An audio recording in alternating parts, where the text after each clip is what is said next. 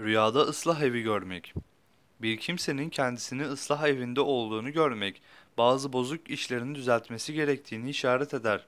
Bu bir uyarıdır.